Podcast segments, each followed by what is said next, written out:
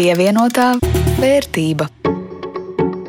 Sveicināti pirmdienā Latvijas radio eterā raidījums pievienotā vērtība par un ap naudas lietām. Ar to studijā Jānis Ramāns no Latvijas radio un Rudīts Pakauska no Latvijas televīzijas. Šodien par to, kā šā gada svārstīgo situāciju tirgos pārdzīvo Latvijas investori, kāds bija iepriekšējais gads un par kļūdām, ko nepieļaut. Un izpētīsim, kā ierasts kādu no Baltijas uzņēmumiem. Šoreiz, cik interesants ir Lietuvas dabasgāzes operators un tā akcijas investoriem. Pievienotā vērtība. Bet vispirms īsi par aktuālo ekonomikā. Covid-19 variants Omikrons turpina strauji izplatīties. Divu nedēļu kumulatīvais saslimstības rādītājs pirmo reizi pārsniedz 6000 gadījumu robežu uz 100 tūkstošiem iedzīvotāju. Nu, tā kā aizvien bezjēdzīgāk varētu būt sarkanie un zaļie režīmi, certifikātu prasības, un pieaug spiediens šīs prasības pārskatīt. Veselības speciālisti gan nu, saka, vēl pagaidīsim, kamēr vīrusu izplatības trakums pāri. Nu jau vairāk nekā 106 tūkstoši inficētie ārstējas mājās, neiet uz darbu, skolu. Ir uzņēmumi, kuriem tas sagādā problēmas, un aizvien biežāk pie veikalu durvīm redzam zīmīti tehnisku iemeslu dēļ slēgts, bet šķiet pagaidām vairums uzņēmumu ar situāciju tiek galā. Cenu kāpums turpinās. Gada inflācija Eirozonā janvārī 5,1%, un tas ir augstākais rādītājs kopš šā rādītāja noteikšanas sākuma 1997. gadā. Pārtika, pakalpojumi, rūpniecības preces kāpums vēl visai pieklājīgos 2,3,5%, bet galvenais vaininieks enerģijas cenas tās janvārī gada izteiksmē kāpuši par 28,6%.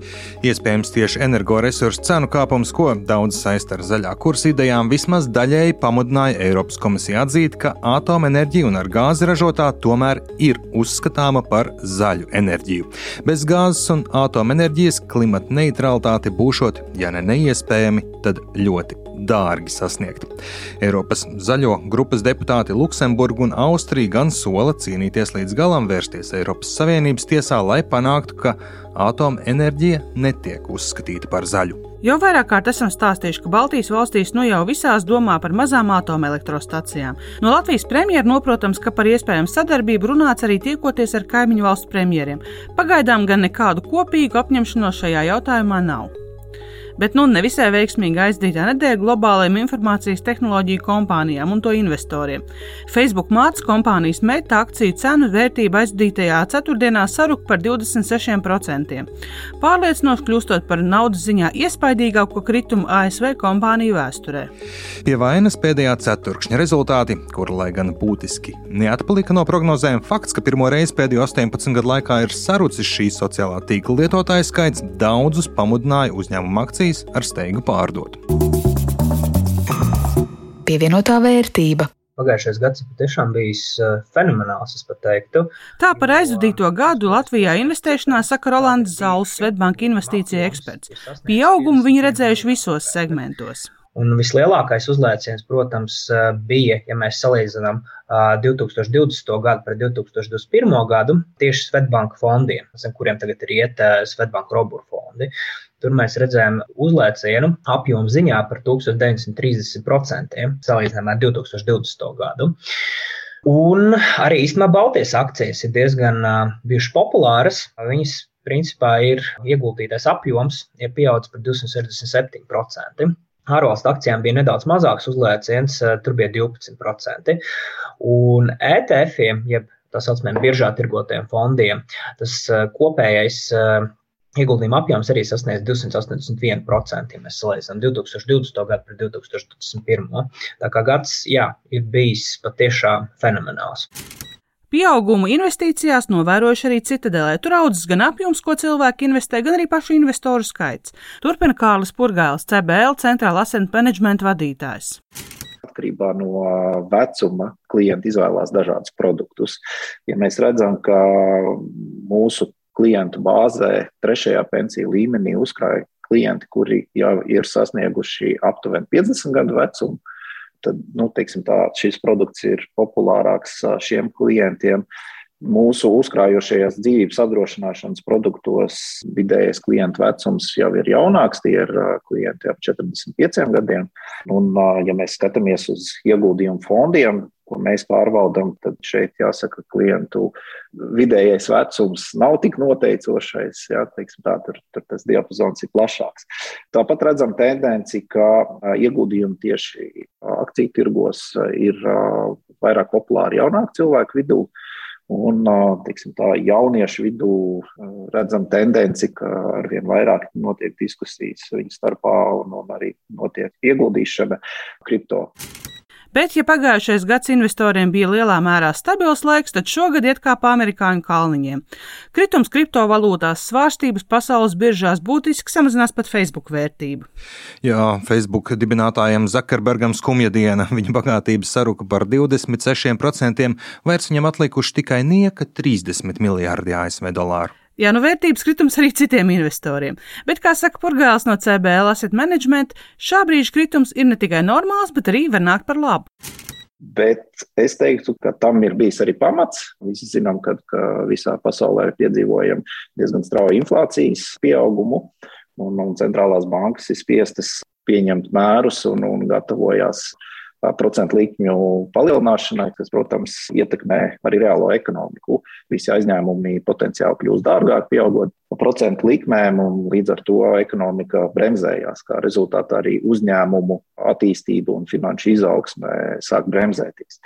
Bet jā, nu, es teiktu, tiem investoriem, kas šobrīd apsver ideju sākt investēt, tad šis brīdis pat būtu vēl pievilcīgāks nekā tas bija pagājušā gada vidus, kad aktīvu cenas bija diezgan dārgas. Šobrīd varam teikt, ka, ka korekcijas rezultātā aktīvu cenas ir, ir normalizējušās un potenciālā investīcija atdeve šobrīd iegādājoties finanšu aktīvus ir lielāka nekā tā bija iegādājoties aktīvus, pieņemsim, pagājušā gada beigās par diezgan augstām cenām. Un, diemžēl, parādās arī tendence izdarīt vienu no būtiskākajām investīciju kļūdām - ieraugot zaudējumus, ātri aktīvu pārdot. Nu, tad sanāk, ka zaudējumi ir piefiksēti, bet situācijai uzlabojoties, ieguvumi palaisti garām. Un, kā saka Zals no Svetbanka, šādu kļūdu reizēm pieļauj arī investori ar lielāku pieredzi. Tirgi ilgtermiņa aug un bieži vien arī neiedziļinoties tajā lietas būtībā, ir atsevišķi gadījumi, kad uh, mēs redzam, ka arī pat tie, kas jau 5, 10 gadus iegulda, sāk stresot un uh, tirgot nost.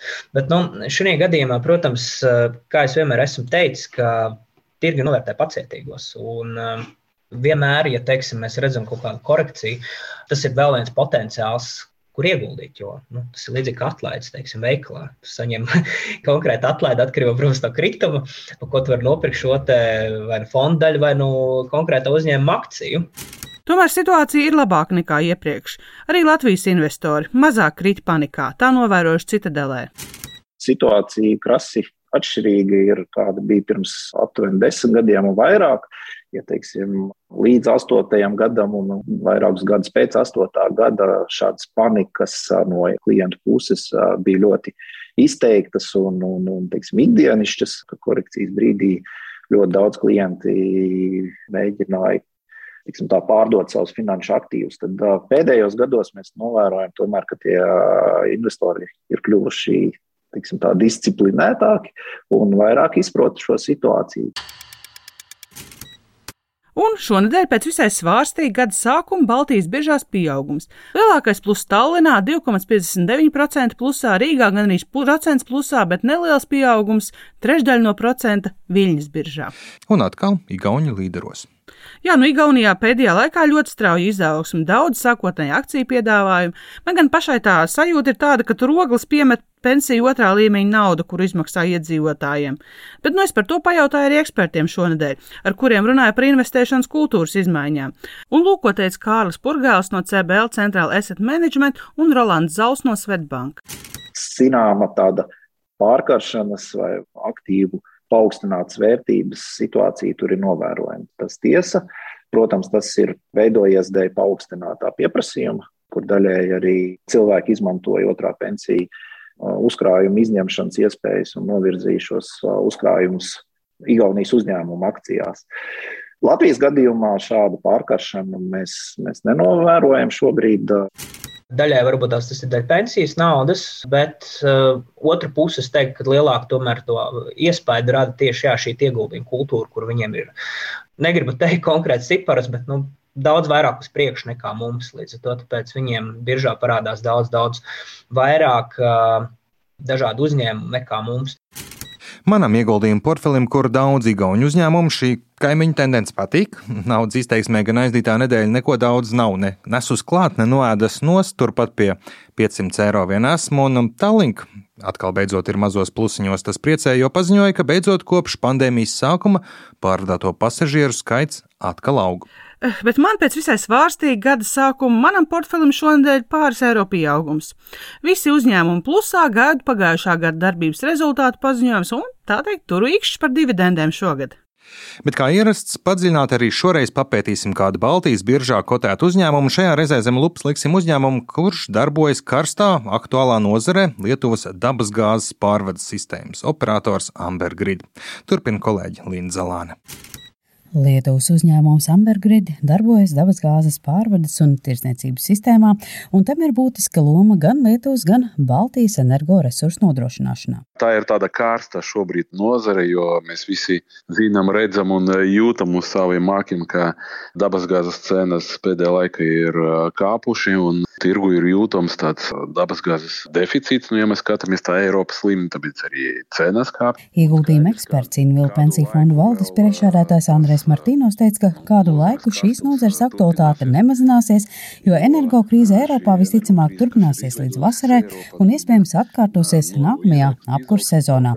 Viņš teica, ka no vienas puses dabasgāzei ir svarīga loma energoresursu piedāvājumā. Bet, ja mēs skatāmies tā ilgtermiņā, un arī ņemot vērā līdzīgas tendences, kas ir notiek arī Latvijā, tad uh, visticamāk tie apjomi samazināsies. Ambergrid nodarbojas ar maģistrālo gāzes piegādi, tāpat kā vienotais dabas gāzes pārvades un uzglabāšanas operators Latvijā Konexus Baltic Grid.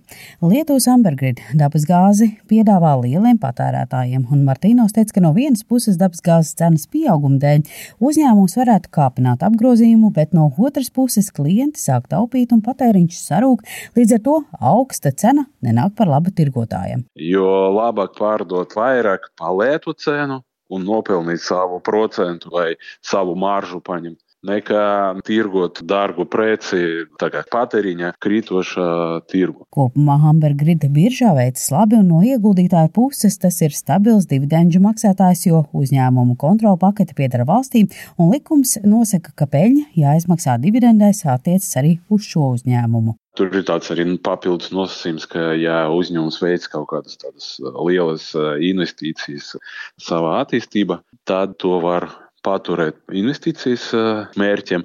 Un bija periods pēdējos dažos gados, kad uzņēmums tā arī darīja, bet šobrīd viņi tās investīcijas ir paveikušas un nu, ir paredzēts, ka viņi atkal atgriezīsies pie salīdzinoši dāsnām dividendiem. Tā kā šīs no tāda viedokļa ir labs variants tieši tiem, kuri ilgtermiņā grib gūt peļņu no dividendiem, tā kā ienakumus. Bet jāņem vērā aspekts, ka ilgtermiņā dabas gāzes tirgus samazinās un turpinās kristies.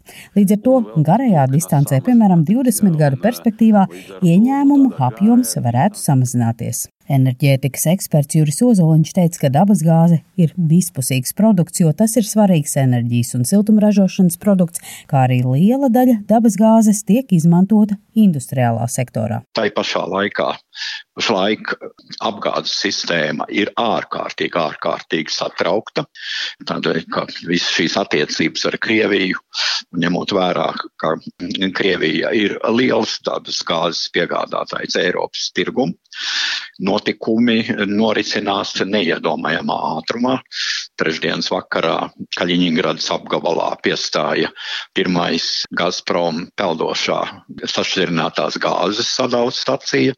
Grūti pateikt, vai tas ir tagad tikai uz saspēlējumu laiku, vai arī tas paliks tālāk, kas ļoti izmainīs uh, visu politiku un tirzniecības plūsmas, uh, taiskaitā Baltijas valstīs. Ozoliņš uzsver, ka Ambergrid no Lietuvas valdības puses tiek rūpīgi sargāts un mazākuma akcionāriem nav lielas iespējas, ko ietekmēt uzņēmumu darbībā, jo viss regulējums pakļauts valsts drošības interesēm. Linda Zalāne, Latvijas radio. Pievienotā vērtība. Ar to arī izskan šīs nedēļas raidījums pievienotā vērtība. To jums veidoja Rudīts Pakausks no Latvijas televīzijas un Jānis Ramāns no Latvijas radio. Par skaņu parūpējās Ulrichs Grunbergs un atgādināsim, ka šo un citus raidījumus var dzirdēt ne tikai Latvijas radio arhīvā, bet arī jūsu iecienītākajās raidierakstu platformās. Uz tikšanos pēc nedēļas! Pievienotā vērtība.